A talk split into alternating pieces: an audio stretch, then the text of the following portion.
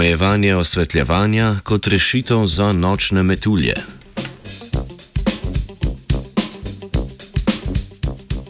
Nočno osvetljevanje ulic je eden glavnih virov svetlobnega onesnaževanja.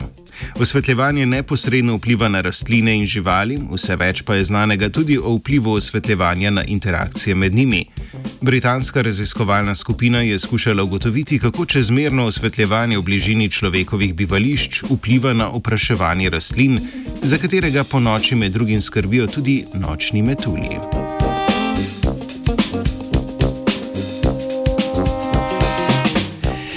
Umetno osvetljevanje je ena glavnih in vse bolj prisotnih antropogenih sprememb okolja. Čeprav je povezana z urbanizacijo, umetna svetloba vpliva tudi na naravne in polnaravne ekosisteme.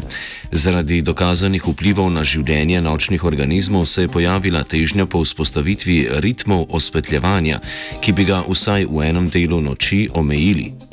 Ja, ritmo osvetljevanja piše. Mm. Sočasno pa se že posodablja javna razsvetljava z led lučmi, ki svetijo usmerjeno proti tlom.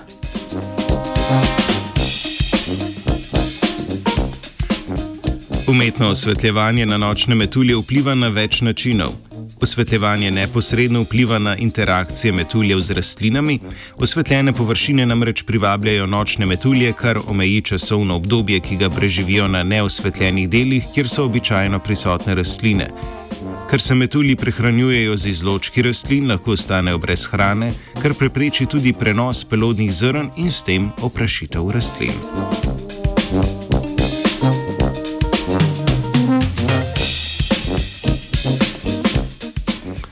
Pri raziskavi so uporabili eno izmed sorodnih vrst navadne pokalice ki jo najdemo v različnih delih Evrope. Rastlina običajno raste ob robovih cest in je tako pogosto izpostavljena svetlobi. Da bi ugotovili, ali imajo pri opraševanju te rastline večji pomen dnevni ali nočni opraševalci, so pripravili štiridnevni eksperiment, pri katerem so dostop do cvetov omogočili samo nočnim, samo dnevnim ali pa tako nočnim kot dnevnim opraševalcem. Proučili so 417 cvetov in ugotovili, da jih je bilo uspešno zaposlenih 46 odstotkov.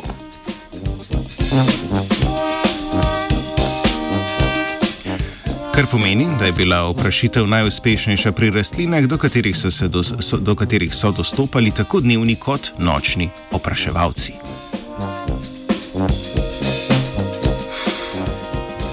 Ja. Da bi ugotovili, ali obstaja razlika med opraševanjem ob večji oziroma manjši osvetljenosti površin, so raziskovalci pravčevali vpliv omejene osvetljenosti okoli polnoči in ga primerjali z naravnim stanjem brez osvetljevanja.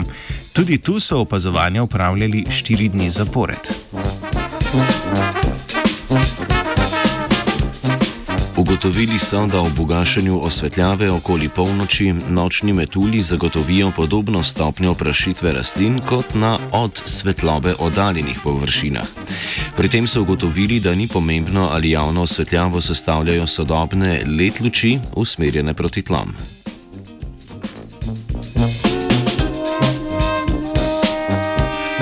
Ugašanje luči v vsaj enem delu noči ima torej pozitivne učinke na opraševanje. Dobra novica pa je tudi, da bi z upeljavo te preproste rešitve ne le ohranjali biotsko pestrost, temveč privrčevali tudi ogromno energije in denarja.